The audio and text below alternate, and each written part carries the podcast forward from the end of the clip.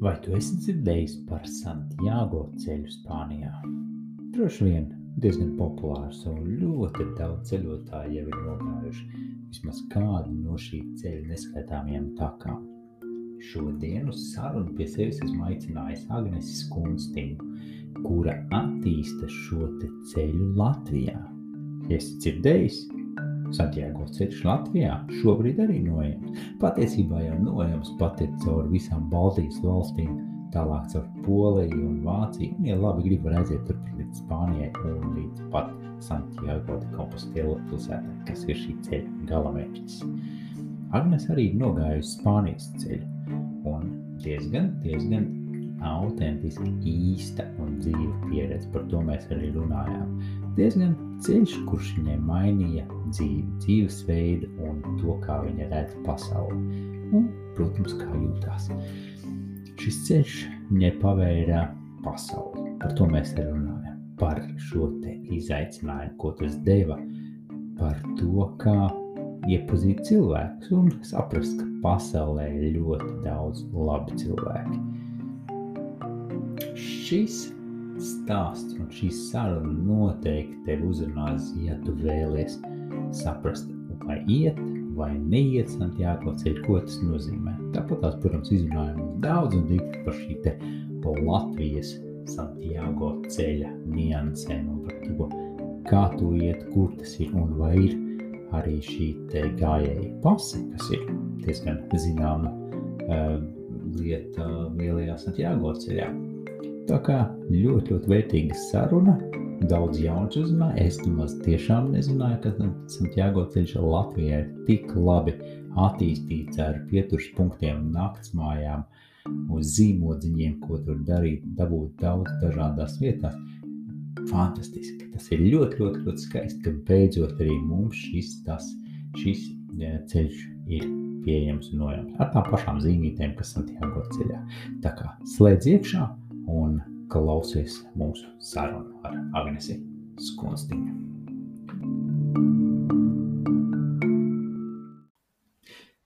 Kalau!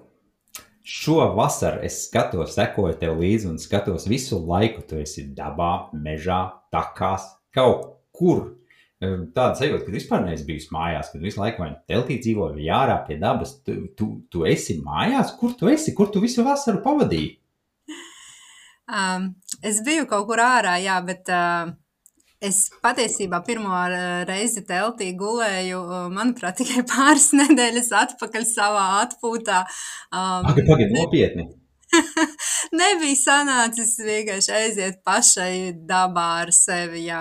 Sanāca daudz braukāt ar grupām un, un, un, un tādos ceļojumos. Tā kā, jā, biju vis kaut kur, bet šķita, ka pati neesmu bijis pie dabas. Uh, Nu, kāda bija sajūta teltī pirmo reizi?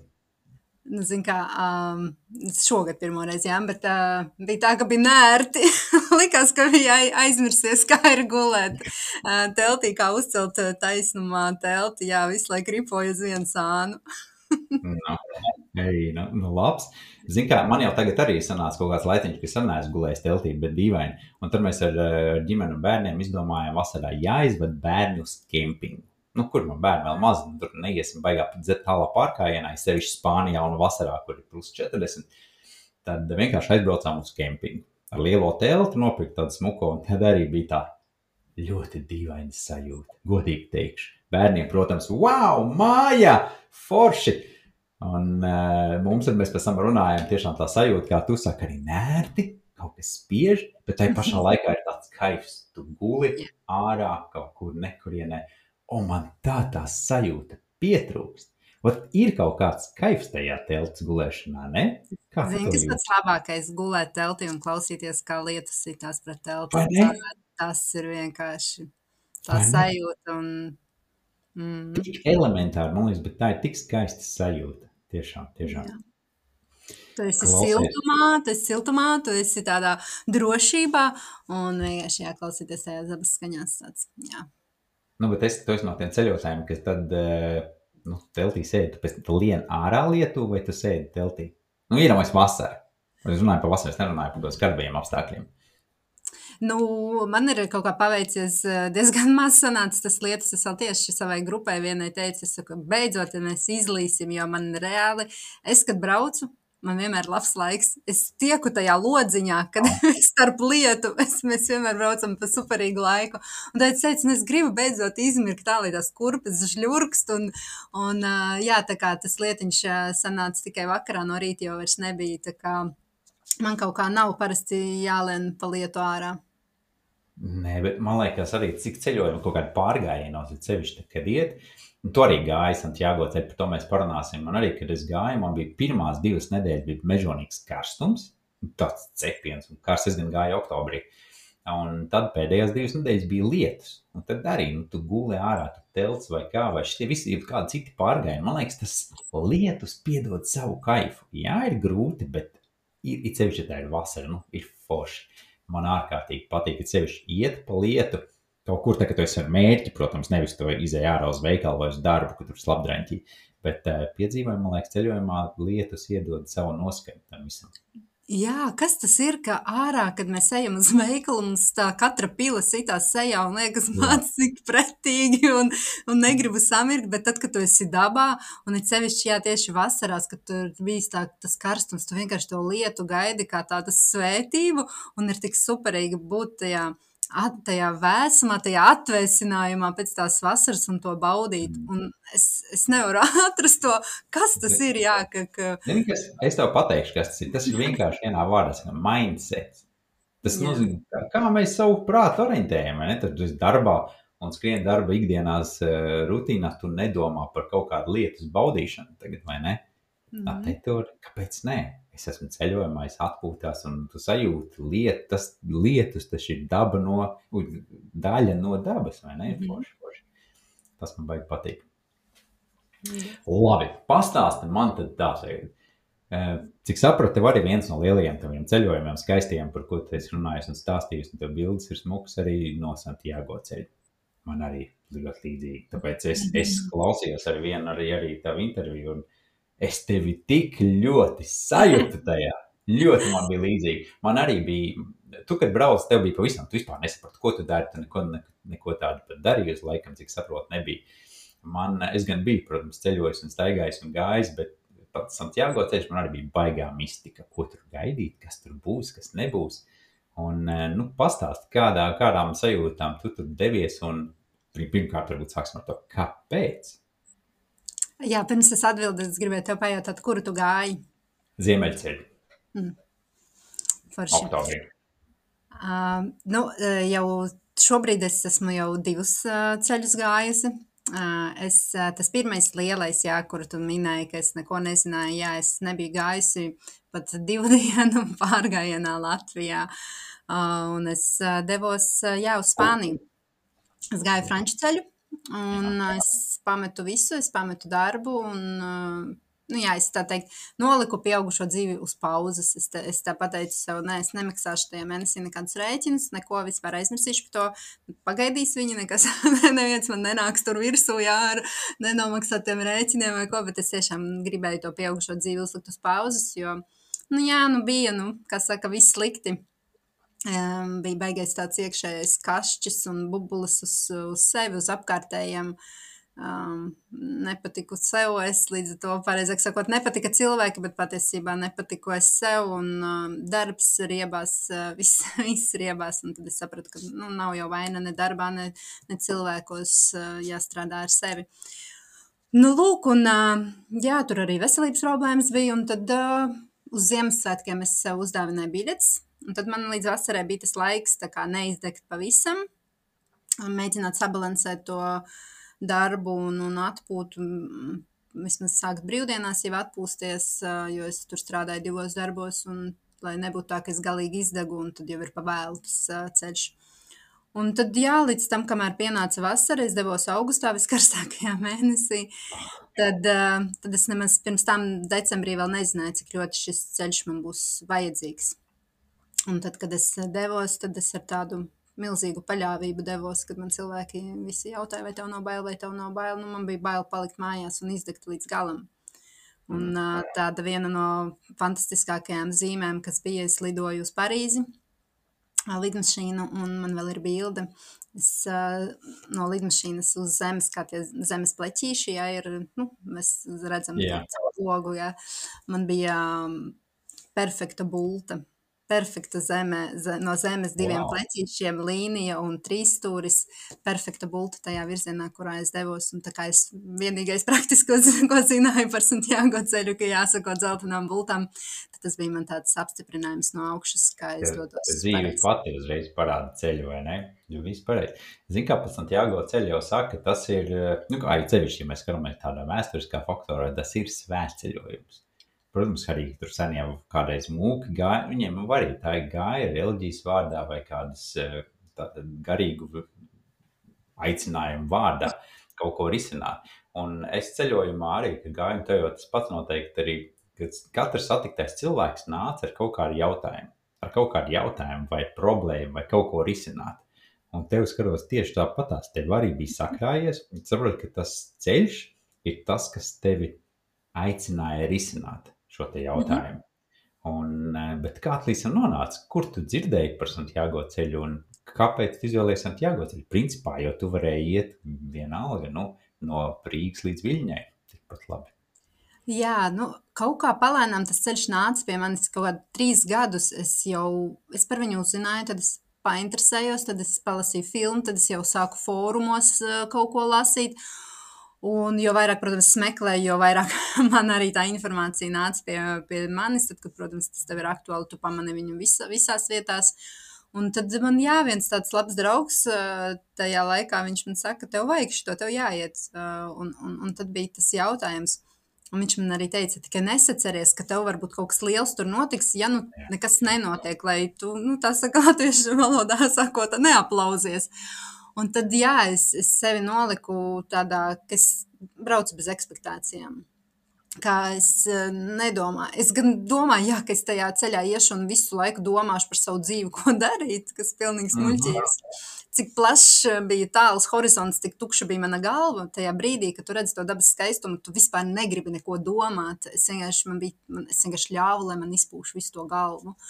Un uh, es vispār neko neizdomāju. nu, tā kā vispār par 28 dienām es neko neizdomāju. Es, es sarunājos ar govīm visām, es spēlējos ar visiem suņiem, kaķiem. Uh, nu, tas bija jau, jā, man jāteic, tas jau ir līmenis, kad ar visām govīm jau mazliet kuku. Uh, jā, bet es vienkārši baudīju cilvēkus, dabu, dzīvniekus un neko es neizdomāju. Un tikai tās atziņas nāca man pēc tam, pēc pusgada, gada, jau pēc tam, kad tu esi mājās. Tā kā, jā, jā es braucu bez Te jau atkal nonāc pie tās atziņas, pareizi, ka ceļš ir svarīgāks par galamērķi, vai ne? Mm -hmm. Ceļš jau tev parādīja un iemācīja to, ko tev vajadzēja pašai iemācīties par sevi. Mm -hmm. Tu kaut ko saprati ceļā?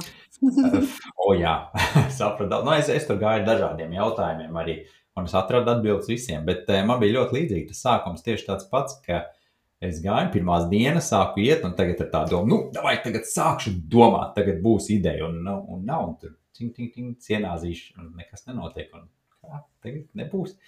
Un e, bija grūti ar to, jo tā ir tiešām tas ceļš, ka tu ej, cilvēkiem grūti iedomāties, ko nozīmē iet 30 dienas. Mēs esam pieraduši iet tur vienu dienu, divas dienas, bīšķi pastaigāties, bet, ka tev jāiet 30, 40 km katru dienu, tad ir grūti. Un tur jau tā lieta, tas ceļš kļūst par tādu savu veidu meditāciju. Un tās domas, kas tur nāk vai nenāk, tā jau ir daļa no šī procesa, ar ko mēs ejam cauri. Bet man bija ļoti vērtīgs tā pieredze, bija ļoti, ļoti, ļoti, ļoti skaista, dzidra, dziļa, īsta. Wow, es tik skaistākajām atmiņām atceros to visu. Man ļoti patika. Jā. Klausies, bet tev, tu teici arī otru ceļu, tu gāji. Kur bija otrs?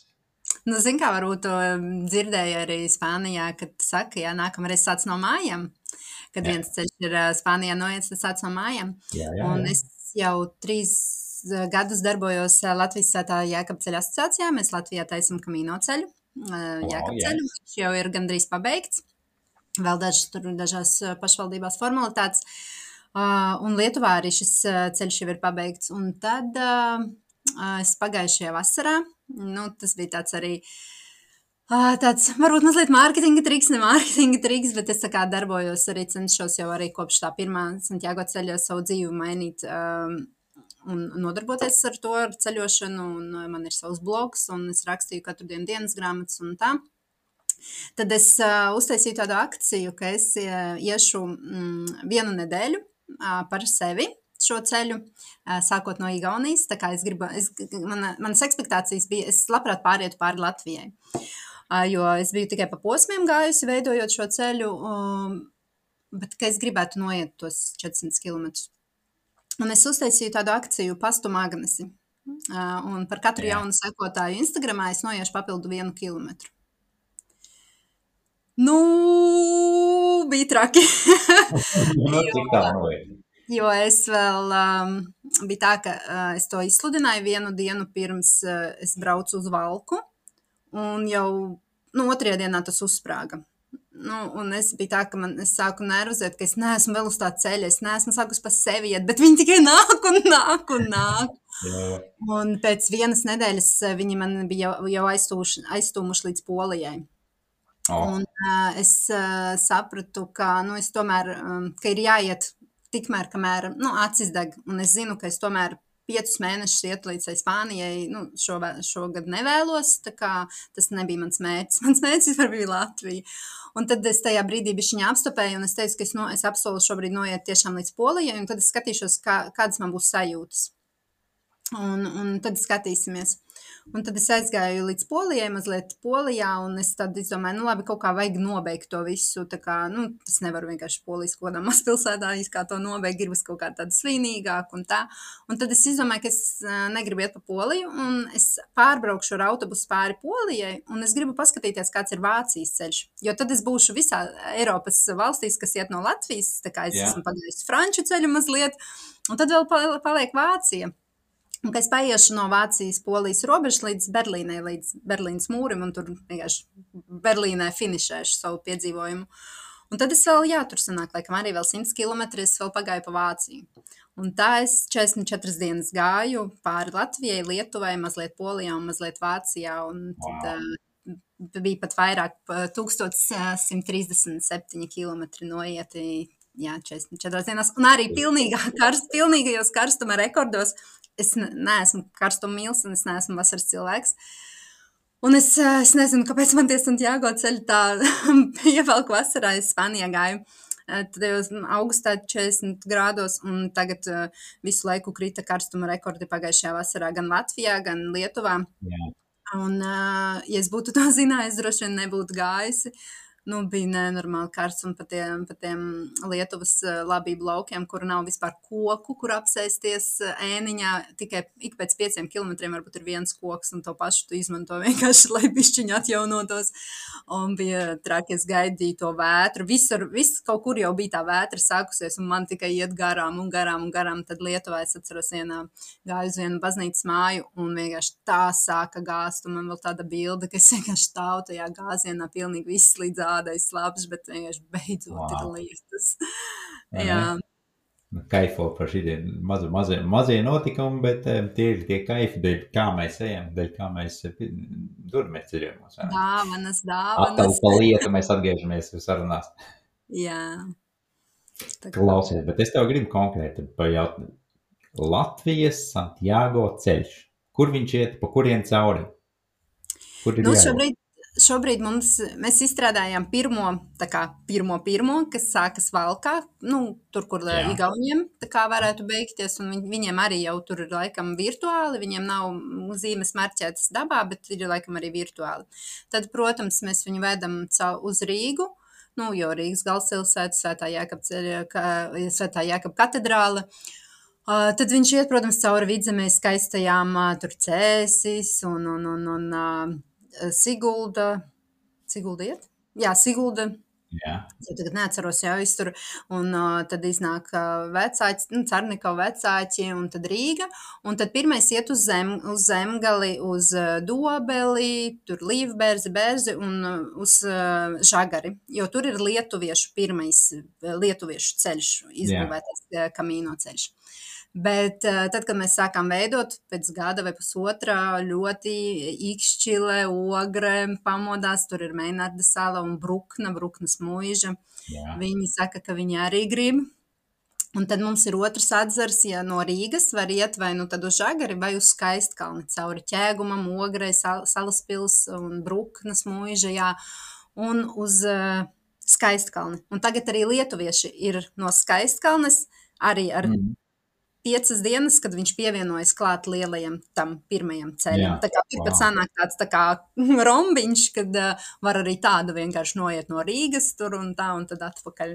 Um, okay. un jā, lietuvieši arī ir uztaisījuši. Liet, lietuvieši vispār mauc, ka, ka, ka traki, es nezinu, viņam drīzumā tur būs entie, entie mm, va, variācijas ar jā, kabaceļu kur iet. Kaut bet zīmīt, apzīmēt viņu tieši to pašu Santiago mhm. zīmi, kas ir Spānijā.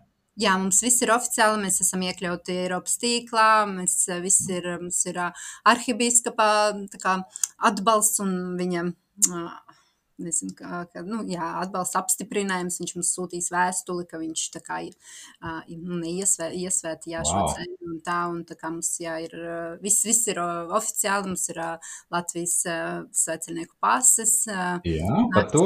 Jā, mēs tādas uztaisījām, uzmaketējām, un tad ir zīmogi uh, visās, uh, nu, daudzās vietās naktsmājās, informācijas centros, baznīcās, uh, nu, lēnāk viss iet, un cilvēkiem ir jāstāsta un jāstāsta, kas tas ir par ceļu. Un, Pagaidām, protams, nav tik aktīvi, bet iet, iet īstenībā daudz cilvēku iet un katru reizi paziņo, ka pasītes beidzās, ka vajag papildināt krājumus. Un... Wow. Šis skaisti pārsteidz man. Es biju domājis, ka tiešām tā ir tīri tikai taciņa, nu tāda iezīmēta, bet pasies, mums ir milzīga infrastruktūra un viss baigs smuki. Mhm. Izcili. Mm -hmm. Tas ļoti skaisti, ļoti priecē man. Tā kā var iet no mājām, var iet eh, no mājām uz Spāniju. Un, uh, Man jā. sanāk atpakaļ nākt. Man no Spānijas uz, uz Rīgu. Tad... Jā, nu Vācijā traki švaki ar nakts mājām, tur ļoti dārgi un vispār ceļu.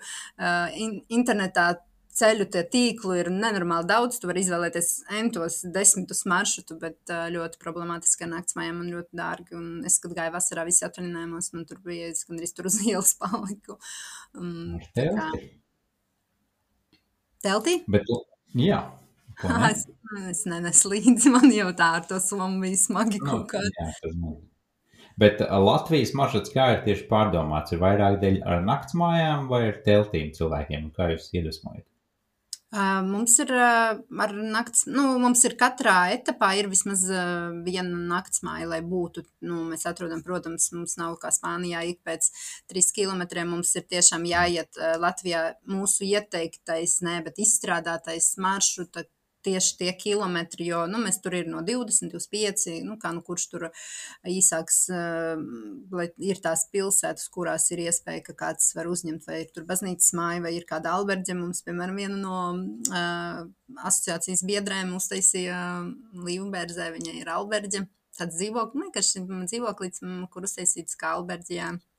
Uh, tā kā, nu jā, tā kā vairāk mums ir tajās tie posmi pilsētās, bet līdz ar to, ja pats iet, manuprāt, mums ir viens pāris gājis noteikti, viņi gāja ar teltīm arī, tā kā Latvijā jau var praktiski visur, praktiski valsts mežos, jebkur palikt ar teltīm, tā kā viņiem vienkārši ir jāplāno tas maršruts citādi, lai nebeidzas pilsētā. Jā, ļoti skaisti. Šis ir tiešām fantastiski skaisti. Es nezināju, ka tik ļoti sakārtot un skaisti ir tiešām. To es domāju, arī gribētos kādreiz nostaigāt Latvijā. Mm. Uh, bet uh, tad tu saki, interesi Latvijā ir jau cilvēkiem arī no citām pasaulēm. Latvijai mm -hmm. iet cauri. Jā, iet lietuvieši, iet igauņi, bija mums no Amerikas meitene gāja. Es pat visus nezinu, tā kā man uh, nesanāk tik ļoti arī būt visā tajā iekšā, sekot pilnīgi visai informācijai līdzi, bet jā, mums no ārzemēm jau arī brauc. Labi, atgriežamies atpakaļ pie Lielā Santiago, Spānijā, ko tu gāji. Tur jau arī ne tikai spāņieti un spāņi, pat uh, manā gājienā, kad es gāju, bet spāņus mazāk satika jebkura cita tautība. Kā tev gāja? Tu gāji franču ceļu, kas ir, protams, krietni mm -hmm. populārāks, daudz vairāk cilvēku var satikt. Un, uh, kā ar tiem tev gāja? Kādu cilvēku satiki, kādi interesanti stāsti, iedvesmas? Es gāju vienu brīdi, kādu nedēļu ar, es viņas iesaucu par itāļu ģimeni, jo viņi bija draugi, radi kaut kur arī sievietes, un tā kā jaunāk mana vecuma jaunieši, tā teikt, es pagāju ar viņiem, tad man bija interesanti pamērot to kultūru, ka viņiem ēdiens, jā, zin, to clash.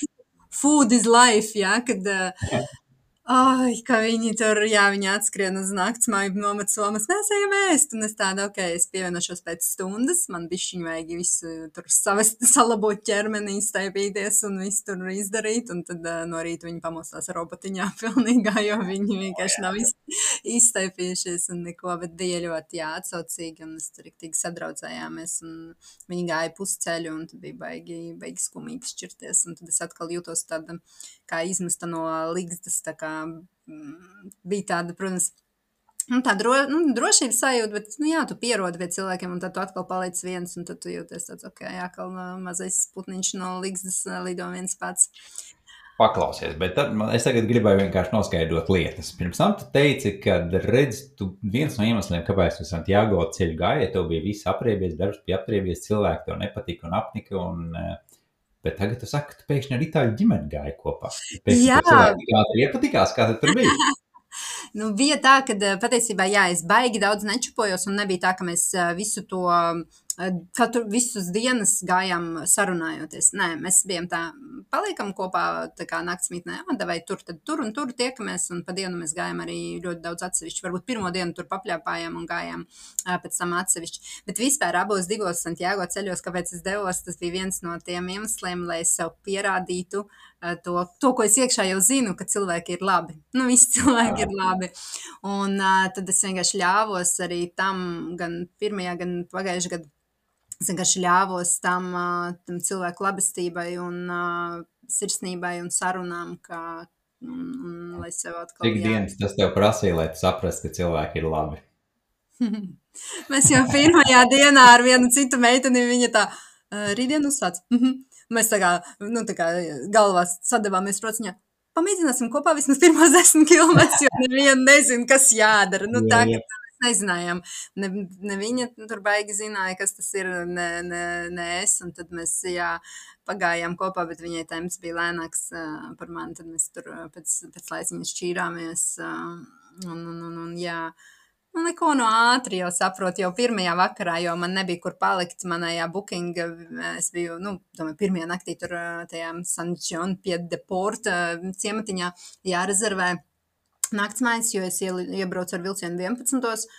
Uh, ka man, nu, lai būtu bookingā vienkārši rezervēta Alberts, nu, bet, nu, kā jau Spānijā, kurš pirmais naktis, pirmais maksā, un um, mm. man jau dienu pirms lidojuma pateica, ka, nu, tā naktsmāja pilna, tev nav kur palikt, bet turpretī tev iedos. Es tādu, nu, labi, es atnāku uz to viesnīcu, saku, nu, kur man turpretī jāiet, nu, ejam. Uh, Uh, ah, viņi arī ir pilni. Man nav kur nakšņot, man nav kur nakšņot. Pirmā naktis vienkārši ok. Wow. Un tad uh, tas saimnieks, tā saimniece, ne, vai saimnieks, saimnieks toreiz ņēma man aiz rokas, mēs gājām pa to ieliņu, un viņš vienkārši katrā, katrā alberģē ir vieta, ir vieta, nav. Ah, nu labi, iesim tālāk, ir vieta, ir vieta. Visiem saimniekiem prasīja, kamēr atradu vienu vietu man, kur gulēt. Tā kā neviens tev neatstāja zīles un vienmēr. Um, Santiago ceļā. Skaista pieredze, pirmā pieredze uzreiz, tu esi paņemta aiz rociņas un iedus parasti. Redz, viss būs kārtībā, nebaidies, nāc. Skaisti, skaisti, tā tas ceļš dara. O, jā. Mm. Es visiem, kad visi saka, kā ir iet vienai, es saku, tu nekad neesi viens. Vai tu pat negribi? tā kā es eju ar tiem, tā kā es baigi pati negāju cilvēkiem klāt un nesāku ar viņiem runāt, kad es eju viena, es redzu, ka tur varbūt manā tempā iet kāds blakus, es pat baigi nerunāju tur, hai, hai, nu labi tā, jo es izbaudīju un ļoti gribēju arī diezgan iet viena pati.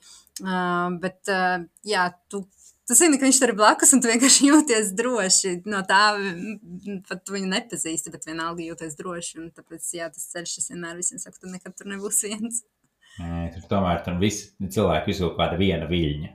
Kā, nu, līdz ar to jau sajūti savējos. Tie visi kopā ar vienu misiju, ar vienu domu, ar vienu mērķi. Un tā, tā jau ir labi cilvēki, uzreiz sajūt viens otru. Un, labi, pastāsti, klausies, tu jau arī pirms tam, tu saki, nebija ceļojis daudz, un tagad tu to vien dari, ka tu ceļo, tu staigā, klīst, dabu, vispārējais. Kāda bija Agnese toreiz un kāda tu esi tagad? Kā, kā tu esi mainījusies? Kā ceļš un šī tie šie te tev ceļojumi ir mainījuši tevi? Nu, toreiz mans ego bija lielāks par mani. Jā, bija tāda kaut kāda, jums šķita, nezinu, izlutināta princese, un uh, Oh, kurai visam jānotiek tā, kā viņa grib. Un, uh, nu, toreiz es ceļoju, protams, arī kaut kur biju bijusi, nebija tā, ka es nebiju šķērsojis Latviju, bet tie bija tādi turistiņa braucieni apskatīties Eifeli vai tur, es nezinu, jā. Berlīnē jau mūri un vēl kaut ko. Um, jā, un tas uh, pirmais Santiago, nu, baigi, baigi mainīja.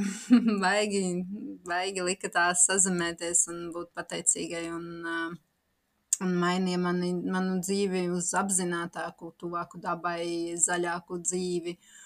Un, uh, bet tas, protams, nenotika jau tajā pirmajā brīdī, kad es atbraucu mājās. Tas uh, viss notika pamazām, un jo vairāk uh, ceļoju, jo plašāk tas uh, redz, sloks, jā, tas astiņas atverās. Jā, un, un, un pateicība kļūst lielāka par visu, kas tev ir.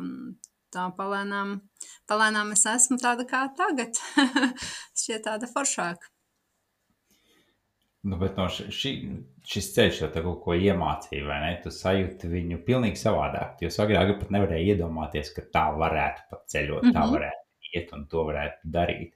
Tev arī, man liekas, mēs jau piesaistām tās lietas, kas mums interesē un kas mums uzrunā. Tu jau mm. -hmm. nezināji, ko.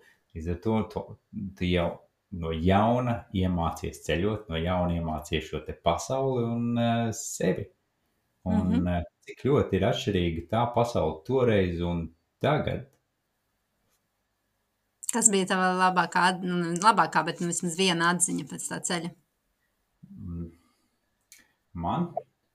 Es, es principā ar to ceļu jau saplūdu. Es tur biju. Man vienmēr ir paticis, es vienmēr esmu ceļojis viens.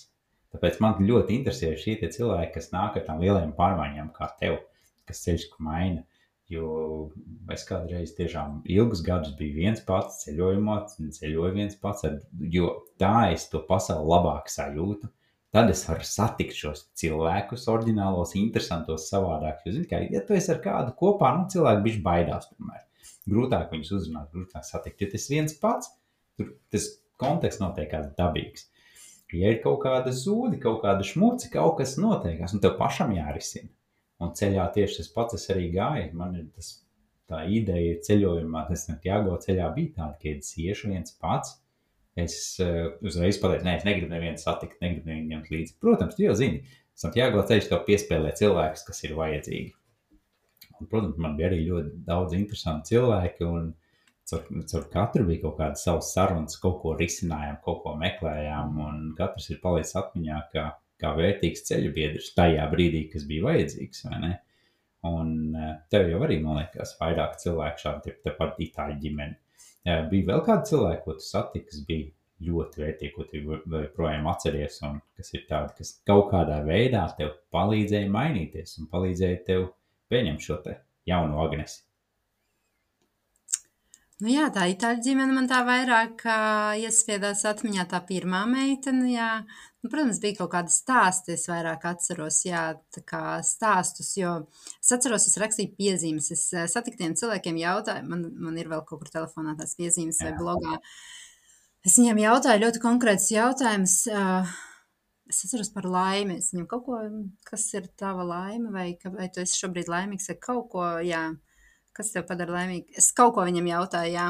Labs, tas ir labs jautājums. Un tad, ah, nē, vienu, laikam, vienu brīdi, kas tev, kad tu šodien biji laimīgs. Kas bija tas brīdis, kas tev darīja šodien laimīgu? Man liekas, tā bija. Nu, jā, un tad stāsti es atceros, un tur arī bija viens futbolists, kurš arī bija pagājušajā gadā rīktīgi gribējis tur iet, un, un, um, bet viņam kaut kas, nu, viņš satraumēja kāju, un tad viņš tikai tika līdz Pamplonai, kas ir pat diezgan pats sākums, un viņš nevarēja to pārdzīvot, bet viņš bija atpakaļ šogad, un, nu jā, tāda stāsta iedvesmojās, uh, un tur bija viens vīrietis, kurš armijā bijis, es nezinu, vai Afganistānā vai kur karojis, ne, bet uh, tur bijis, jā, un tad viņš ar, jau iet ento Santiago ceļu, es nezinu, tur devīto vai kuru, un viņš ar katru ceļu izdzēš vienu bildi no savas atmiņas, Mm. kas viņam tur ir bijis uh, nenormāls pārdzīvojums, vai tur kāds O, jā. cilvēks miris vai ko, un tad viņš ar katrā tajā ceļā izdzēš vienu bildi no savas atmiņas. Tas bija tāds. Jā. Man divi, divi iespējīgākie arī bija. Viens arī bija armīnieks, vai kanādas, francūzes, uh, Džimijs. Baigi foršais, interesants cilvēks. Lai gan mēs bijām pilnīgi dažādi. Pilnīgi pretēji, bet mums ļoti labi saskanēja. Bija baigi interesanti, jo pilnīgi tas skats, kā viņš redz pasauli un to dzīvi, un kā es redzu ikdienu un to pašu ceļu. Viņš atbraucot uz Spāniju un stāvot pirmajā dienā, es viņu satiku pirmajā dienā hostelī, nu, pēc pirmās dienas. Viņš, viņš saka, es nezinu, kur es esmu, ko es te daru. Man psihoterapeits teica, ka man jānopērk šī tā biļete un jābrauc tur un jāiet. Ļoti labi. Viņš saka, es nezinu, viņam vajadzēja, viņam vajadzēja ļoti. Viņš gan arī visu nenogāja, viņam kājas atšķirēja. Un mums abiem diviem bija ļoti spēcīgi kājas atšķirētas, un mēs tur atpakaļ gaitā gājām, tur dīvainajā solītī, lai vispār varētu paiet. Un, bet man pārgāja, viņam nē. Viņam ceļi un viss, nu, kā jau arnīmniekiem, ceļi sačakarēti, viņam arī bija ļoti spēcīgi. Bet, un tā viena no smieklīgākajām šīm kultūrālajām sadursmēm mums bija uz ceļa satiekot govi. Mm. Ja viņam militārā disciplīna ieraugām govi, viņam automātiski liekas, ej, rei, stop, don't move, I will fix it. Tur viņam stratēģija, kā tur govi tagad pamina, kur mums apiet apkārt, tur viss tur izdomāts.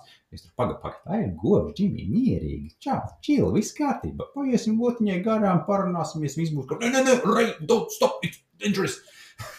Viņam plāns. Es piegāju gotiņai, paglāstīju, aizgāju garām, viss kārtībā. Džimis stādījis ceļu, palika, stāvēja muti vaļā kas tagad notika, kā, kā tas iespējams. Un bija daudz tādu gadījumu. Viņam tā militārā disciplīna un tā, tā skola, un te pēkšņi es tāds otrs, no otras puses hipija čalis.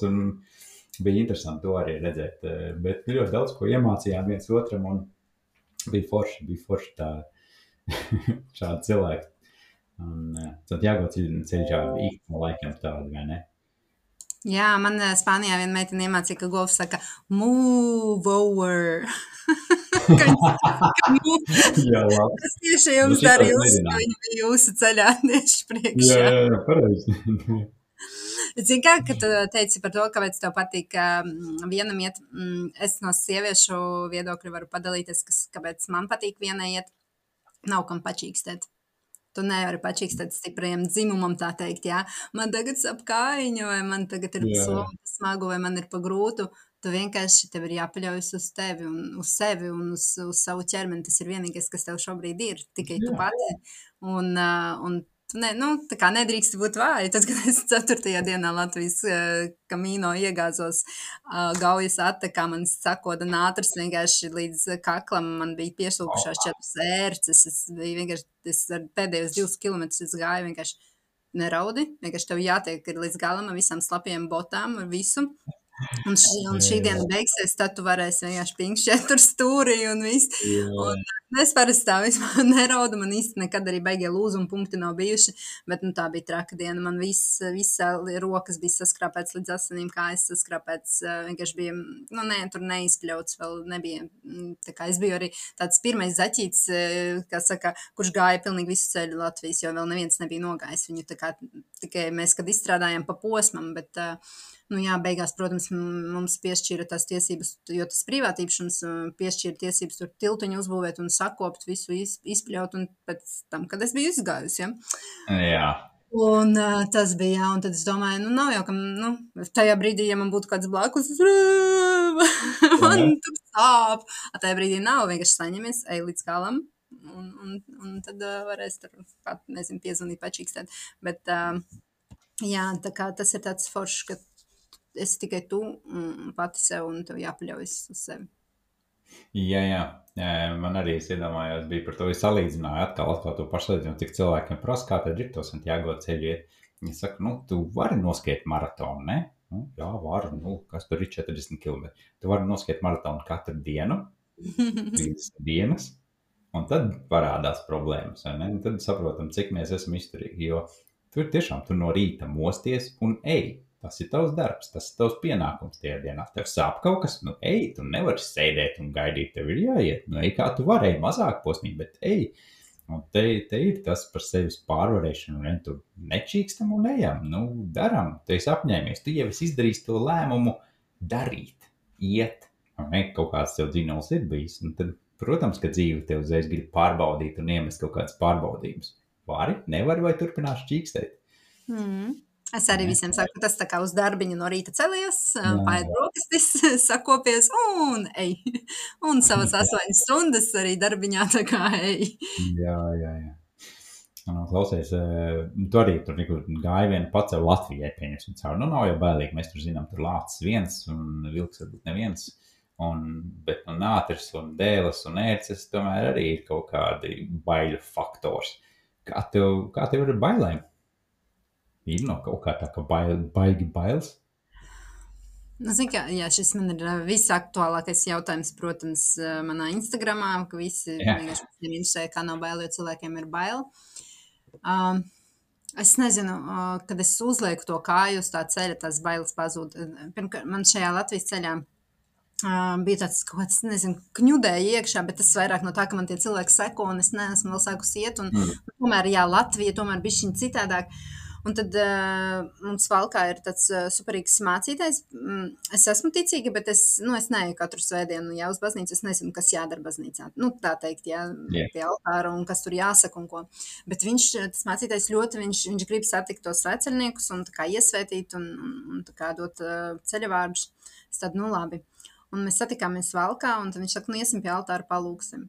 Un man jau tāds, oh God, kas jādara, kas man jāsaka, es labi, ja tur tēvreiz varēšu noskaidīt, bet, nu, un viņš vienkārši palūdza, lai man šis ceļš būtu drošs, ne, nekas tāds tur dieva vārdi vai kas, bet vienkārši -hmm. tikai par mani, par šo ceļu, un bija tā, ka tas, nu, tas man deva nenormālu drošību, man vienkārši tā, fuh, vienkārši kā akmens novēlēs no kakla. Viss es beidzot sāku iet, un es jūtos droši, un man ir tā svētība. Un pēc divām dienām viņš strādā arī Strenču baznīcā. Viņš saka, es tev pēc divām dienām gadīšu Strenčos. Un tad trešajā dienā tajā viņš vienkārši palūdza, lai man nav tulznas un tādas lietas, un es tagad visiem iesaku, es pat, ja tu neesi ticīgs, vienkārši satiec to mācītāju, jo nu, tev nekas tur nebūs, nu, tas, jā, tas bija fantastisks, tā bija tāda drošības sajūta, un Un vienkārši tiešām tie vārdi uh, par to, kas tiešām ceļā ir nepieciešams. Drošība, nav tūlznu, un, Jā. uh, lai, lai pietiek spēka. Un, un tā, tā kā, uh, tas man deva jā, Latvijas ceļā ļoti tādu spēcinātu, bija tādi spēcīgi vārdi un to drošību. Jā. Un, un es vienmēr saku, ka tu uzliec to lielo mugursomu un tad uh, kopā uzliekās kaut kāds drošības apmetnis, neredzamais. Man liekas, ka tu esi lielo somu un netīrs pārgurs viens pats, tad cilvēki vēlas tev palīdzēt, nevis, nevis nodarīt tev pāri. Un tas vienmēr ir pierādījies, ka viss nāk un palīdz un atver aizslēgtu veikalu un iedod tev saldējumu un tam līdzīgi. Um, Līdz ar to, nu, protams, ja mēs tā runājam par tādām parastām bailēm, tad, protams, kaut kur tur mežos pēkšņi esmu viena un tur brauc kaut kur pa to meža ceļu mašīnu. Nu, nu, protams, ir tāda sajūta, ka, labi, ejam āt, nu, tā kā vienkārši ārā un tā, ka tu zini, ka tur nav neviena cita cilvēka. Tas tāds, nu, varbūt vienkārši kā sievietei, diemžēl, vēl šajā pasaulē ir jāuztraucas, jā. Bet, uh, jā, es nezinu, citas tādas bailes baigi, baigi, baigi nav. Nepiedzīvot, jā, kaut ko nepiedzīvot. Jā. nu, tas ir galvenais, tas dabīgais. Tas jau, tas jau man liekas, nav, nav tik daudz, cik bailes, bet tas instinkts. Jo mēs mm -hmm. nu, gribam būt veseli un veiksmīgi pavadīt ceļojumu un savu piedzīvojumu bez nekādiem, bez nekādām aizķeršanām un tūznām un pārējām trāņķu mm. lietām, kas mums tur līp apkārt. Bet atkal, protams, ar pareizo enerģiju nāca un tad baznīca un uh, tici vai netici vai ne, bet nu, kaut kāda garīgā vērtība tam visam ir pievienota. Mm. Un uh, man arī ar Santiago ceļu pieredzi līdzīgi, jo pirmajā dienā es arī atbraucu ļoti vēlu, man liekas, arī 11. vakarā es aizgāju uz hostelu, bet es, es nevarēju aizmaksāt, man iziešot pastaigāt pa pilsētu. Un es, es gāju meklēt, domāju, nu, iešu garām, lai zinu rīt no rīta, kur ir tā baznīca, kur man svecinieka pasi jāņem. Gāju viņai garām, un mācītājs nāca ārā. Un es tā viņam kaut ko tur ieminējos, tur labvakar, labvakar, to pasi. Viņš saka, ah, nu, nenāc rītā, nu, davai, nāc iekšā, es tev iedošu mm -hmm. Rītā. Ieveda man iekšā tumša baznīca, viss tur gaismīts izslēgts, par to, pa, pa to sāni ieveda iekšā lielā tādā zālē, wow, un tur bija tā zāle, kur, nu, tu parasti to cilvēku nelaiž iekšā, kur tu neredzi, tur mm -hmm. apmetīgi smuki salikti, tur, tur liela, liels, nezinu, tur 15 metrīgi augstie griezti, baznīca tā ir apmetnīši tur ar visiem ordeņiem, ar kaut ko tur stāvēt, tā smuku, no viņš ar vienu vielu atvilkt, atvilkt. Tur, tur smukas grāmatiņas atlocīt, tur, tur pasīt iekšā, tur man iedeva, arī tur man pateica kaut kādus um, labos vārdus, bet arī es jutos tik iedvesmos tam ceļam. Tikai tāpēc, ka izdevās arī satikt, pateica man labos vārdus, novēlējumus, un, un es biju gatavs iet. Nu, nav jābūt jau nemaz uh, reliģiozam, kristietim vai, vai vienalga, kādā reliģijā tu sauc sevi. Tā jau ir tā atkal pozitīva enerģija, ko tev iekodē. Jā, un es nezinu, vai pamanīju, vai tā ir visās Spānijas baznīcās, bet svaigie ziedi. Es vasarā iegāju tajās baznīcās. Pirmkārt, at, atsvaidzinošs tāds vēsums, un tā smarža visur uz altāra svaigi griezti ziedi, un tāda patīkama smarža. Nevar salīdzināt ar alberģiem, ja? kad tu atnāc. Ja tur pats jau arī pats tu tāds ar tādu mazu smaciņu, jā, bet, uh, bet uh, baznīcās tie bija tādi svētīgi brīži pasēdēt tajā vēsumiņā un vienkārši tas smarža vienkārši. Oh. Nē, šitien es tev pārtraukšu, jo es gāju ziemeļceļu kurā pirmkārt ir krietni mazāk alberts, krietni mazāk baznīca, krietni mazāk pilsētas, krietni mazāk viss tur ir. Mm. Oktobrī, nu, teiksim tā, es laikam iekšā biju visā ceļā, 30 dienās varbūt biju kādās trīs baznīcās.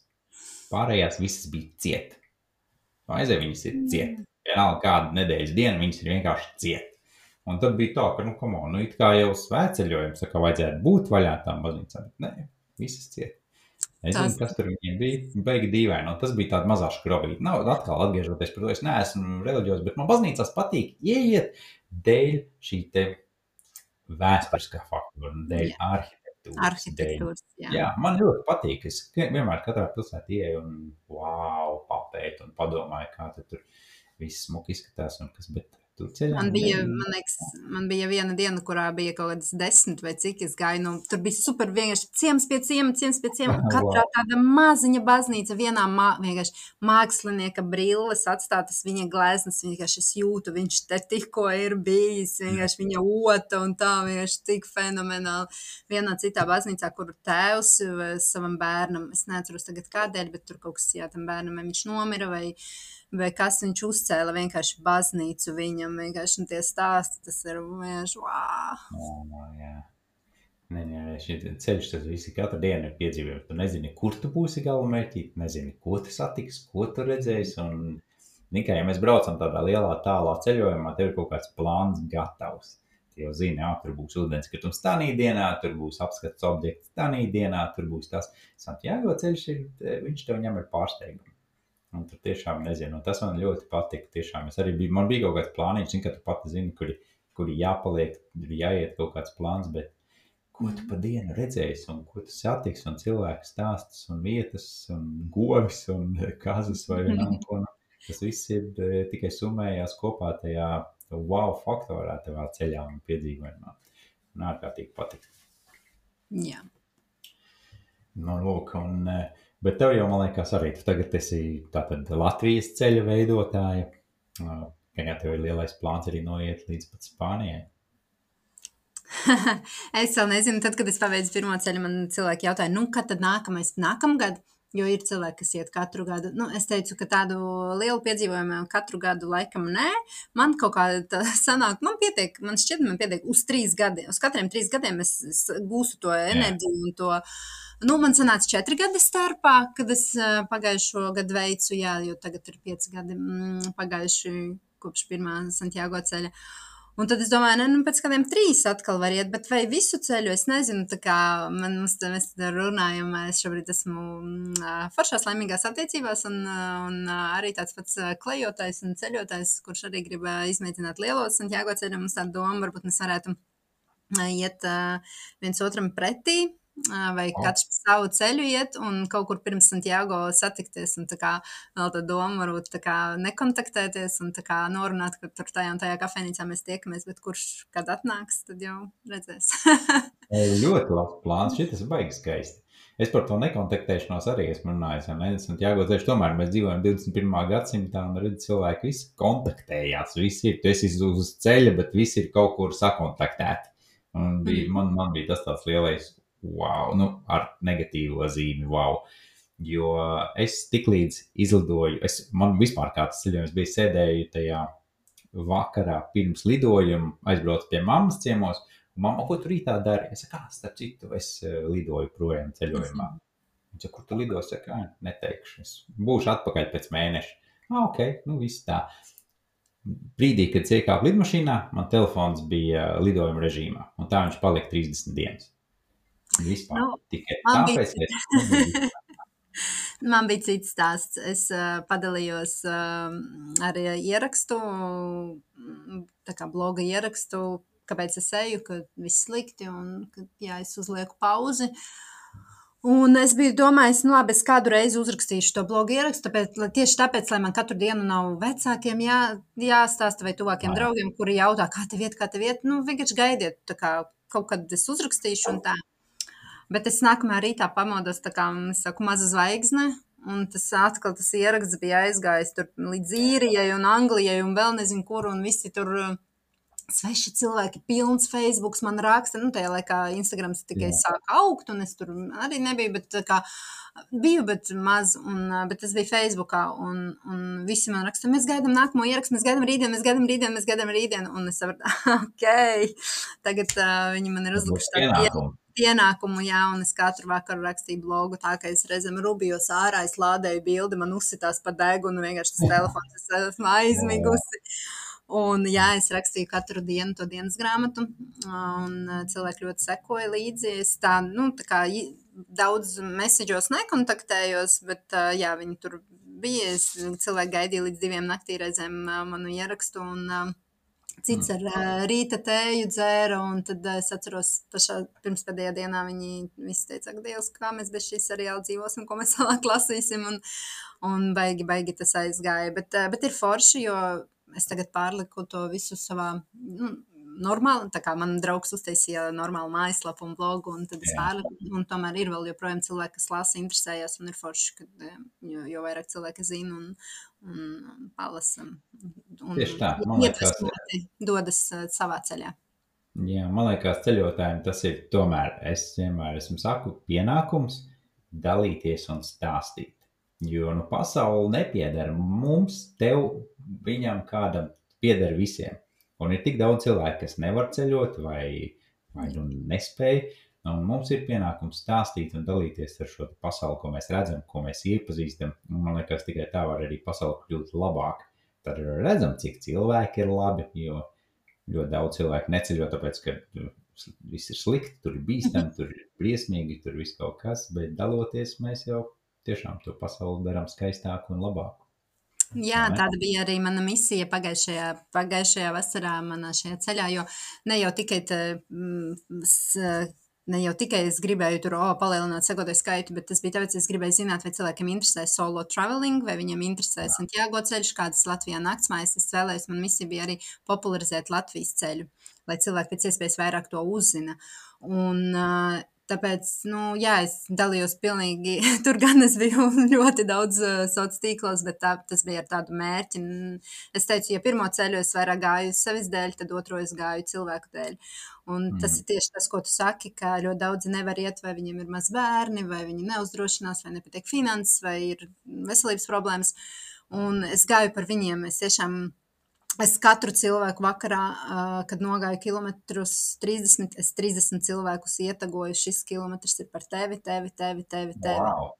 Man tur bija rīktīga, rīktīga tehniskā puse. Man tur draugs mājās, tur kopēja, tur programmā ārā. Tur es to nebūtu izdarījis, un Excelī taisīja, un es visus atzīmēju. Un, un cilvēki vienkārši gaidīja un bija tik ļoti laimīgi, kad saņēma to savu kilometru. Viņi zināja, Nu, te, tas nebija kā ne? fufels, viņa pateica, ka noies, bet patiesībā nenoiet. Eh, protams, man jau bija arī tādi bišķiņ sirdsapziņas pārmetumi, ka es nevaru izpildīt to savu solījumu, bet es patiešām ne, nebiju domājis, ka nu, tik traki aizies un, un tomēr. Um, Nu, es negribēju arī iet, kad ietu tos piecus mēnešus un, un iet uh, bez smaida, vai tur tikai tāpēc, ka jāiet, jāiet ar prieku un vēlmi. Uh, bet, uh, jā, es vairāk kā sanāk 700 cilvēkus ietagoju, ka es esmu nogājis wow. kilometru, un vienkārši viņi tā, es neticēju, ka es arī vēl būšu, un tur, nu jā, viņi atvērās, vienkārši var just, ka, ka, ka, ka jā. par šo te pienākumu izpildīt gājienu. Es atcerējos, te, jo Santiago ceļš beidzās Santiago de Compostela pilsētā. Bet tu aizgāji līdz pasaules galam, pasaules mhm. malai, līdz Finisterē. Un uh, Es tev pastāstīšu, reiz, kā man bija. Jo, protams, ka es arī sāku iet, neko tādu nezināju, ka ir tāda opcija iet tālāk līdz galam, un jo Santiago, Santiago, tur viņš beidzās. Ceļojumi kaut kur pa vidu. Es, protams, satiku cilvēkus, kas man sāka prasīt, tad tu iesi līdz galam arī, pēc tam tālāk kaut kur. Un no sākuma bija tā, pagaidi, paga, kas tas ir. Un tur jāiet, es klausījos un domāju, bet ceļojuma laikā es sapratu, ka nē, mans ceļš noslēdzās tur Man nav jāiet tālāk, man nav jāpierāda, man nebija vēlme to darīt, jo es, kā teicu, man bija ceļš, man nebija galamērķis. Un man ceļš noslēdzās Santiago. Un man nebija ne pārmetumu, neko. Bija, man bija, mēs, mēs galā aizgājām ar cilvēku, ko satikām, kas viņi aizgāja tālāk. Bija tik, es biju tik priecīgs redzēt, ka viņi aizgāja līdz galam un izpildīja to, to pilno plānu. Bet uh, man bija atkal tas, man beidzās, es biju laimīgs, biju priecīgs, piepildīts un eh, bez sirds pārmetumiem varēju doties nākošā ceļojumā tālāk un atgriezties citur Redz. Man bija tieši otrādi. Es biju redzējusi jau Santiago mm, katedrāli. Es biju komandējumā, pirms tam bijusi. Es viņu stundu biju jau redzējusi. Un es biju uzreiz izlēmusi, ka mans ir finiša okeāns. Uh, Un arī man nebija baigās vispār praktiski nekādas emocijas uh, katedrālē. Es tad, kad ieraudzīju no tāluma, trīs km attālumā ieraudzīju tos um, torņus, tad man bija tāds, mm, kā molīts, ok, jāiet veikalā pēc salvatēm. Uh, un, uh, bet jā, bet pēc tam, kad es pienācu, tā nebija, bet uh, mans finišs bija okeānā. Bet um, jā, savukārt par otru lietu, ko gribēju padalīties par tiem pārmetumiem, man bija tagad, man rakstīja viena meitene par pagājušo manu piedzīvumu. Viņa saka, tev nav pārmetumi, ka tu pārbrauc pāri ar autobusu polijai.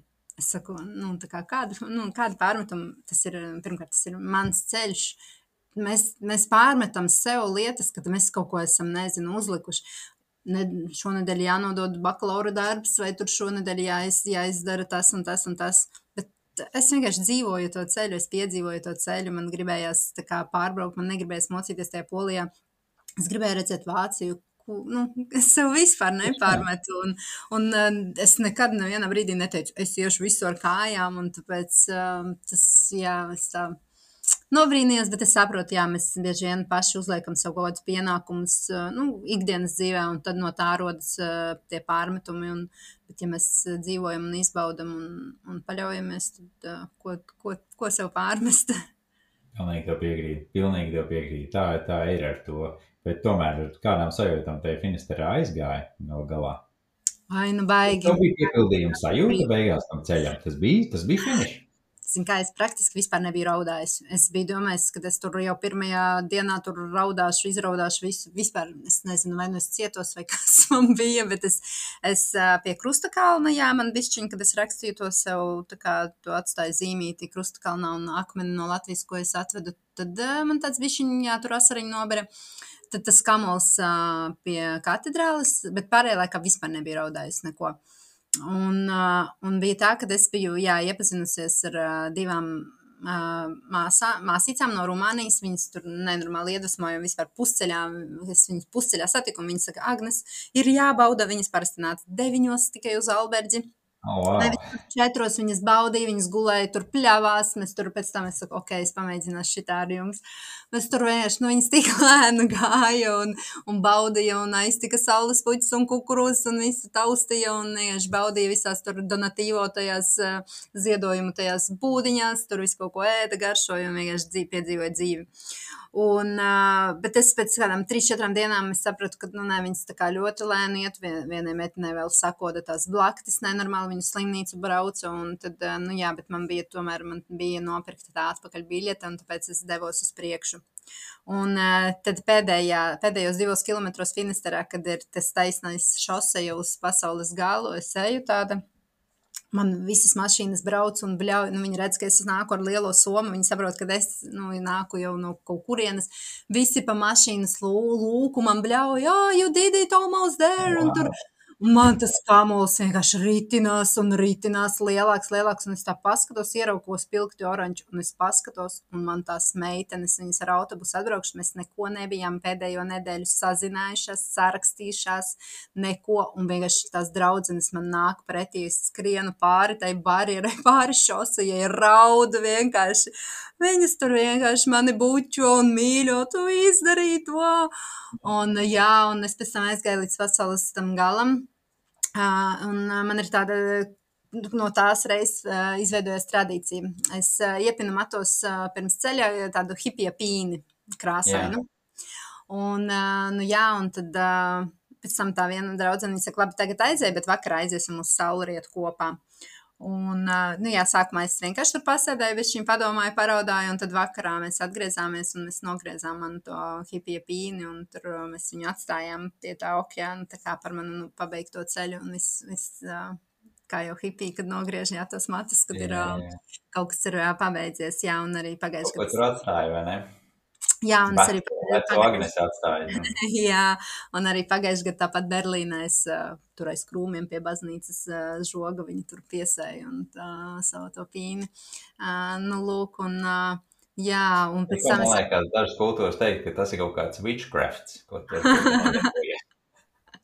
Varbūt, varbūt, bet, zin kā, viss, kas, kas mums pašiem liekas, strādā, strādā. Tas tāda man izveidojās tagad tradīcija uz lieliem maniem nu, divas reizes tikai bijušas, jā, bet nu, jau sākas tradīcija. Uh, nu, jā, un tad es vēl pilsētā satiku vēl pārējos tur cilvēkus. Jo, zin kā, ka tu to ej ceļu, tu praktiski satiec 31 un tos pašus cilvēkus vis, visā ceļā, jā. nu, kuriem aptuveni tempi, un tad es satiku vēl visus pārējos, un vajag, vajag tāda sajūta bija, ka tu, jā, tu tos cilvēkus neesi kontaktējis, un tu atkal viņus satiec kā tādus vecos draugus, un, uh, Uh, nu, jā, un tāds, protams, par, bija tādas emocijas, bet, nu, kā es saku, tās lielākās atziņas jau man tikai mājās atbraucot, ka tu ieraugi to veco dzīvi kaut kādā ziņā, un tu saproti, ka, nu, nē, šitā negribu vairs, vairs dzīvot, un, un vēl kaut kāda atziņa atnāk, un vēl atziņa atnāk, un tad jau tās atklāsmes foršās. Burvīgi, burvīgi. Īstenībā, man liekas, tu esi atradusi savu ceļu, ejot ceļu, vai ne? Jā. Tas Jā. ir skaisti. Par to tev liels paldies, un e, liels tev paldies par Latvijas Santiago ceļu. Aha. Es tiešām apsolos kaut kādu noiet, vismaz posmu vai ko. Protams, man liekas, cilvēki var arī darīt pa posmiem. Protams, un, e, daudz iet. Bet kā ir pasi? E, lielajā Spānijas Santiago tomēr tie 100 km jānoiet, lai dabūtu certifikātu Latvijā. Kā ir ar to? Arī nu, mums, nav, mums nav certifikāta, mums ir vienkārši. Bet zīmozīmes var dabūt tāpat, vai ne? Jā. Jā, tu vari iet, jebkad, tu ļoti daudz iet tikai brīvdienās, pa posmiem. Jā, pasīti var dabūt vai nu Svētā Jēkaba katedrālē Vecrīgā vai arī ir liela, citās lielākajās pilsētās kur informācijas centros. Un, jā, vienkārši doties, un tad ir mājaslapa kaminolatvija.com. Tur ir arī uzrakstīt visu informāciju par nakts mājām, viss ceļš, digitālās kartes, ko var leju pielādēt savās lietotnēs, un, Super. un arī informācija par to, kur zīmodziņas dabūt, lai nav tā, ka tu noej un ir bijis, ka es nevienu nedabūju, bet cilvēki nezinu, kur ieiet, jo, nu, tomēr pagaidām vēl nav daudz kur, bet uh, var, jā, atrast. Tas, tas arī ir skaisti. Super, super, super, super. Un uh, par tevi vairāk informācija, tev ir sava mājaslapa tagad arī, cik saprotu. Jā, man ir whatifitoldju.eu. Es arī iesāku kā būtu, ja es tev pastāstīju, cik forši ir doties ceļā. jā, un, pastāstīt. Jā, un jā, aktīvākais šobrīd esmu Instagramā Agneses Kunstiņa. Burvīgi. Tā kā liels tev paldies, ka parunājām. Man liekas, tas skaisti. Baigi forši bija dzirdēt, un man tiešām ļoti, ļoti, ļoti liels prieks par to, ko tu dari un par to, kas tu esi. Jā, un paldies tev, ka tu saskati šādas lietas. Un, jā, man arī ļoti patīk šī saruna, un kas vairāk uh, pa sirsniņu, nevis pa tehniskām lietām. tieši tā, tieši tā. Jā. Par to jau ir arī ceļojumi un ceļojumi. Mēs par sirsniņu, nevis par tehniskām lietām. Jā, tieši tā. Labi, paldies tev. Un tad jau jā. tiekamies Latvijas Santiago takās. Jā, un varbūt Spānijā. Labi, paldies tev. Čau, čau. Tā.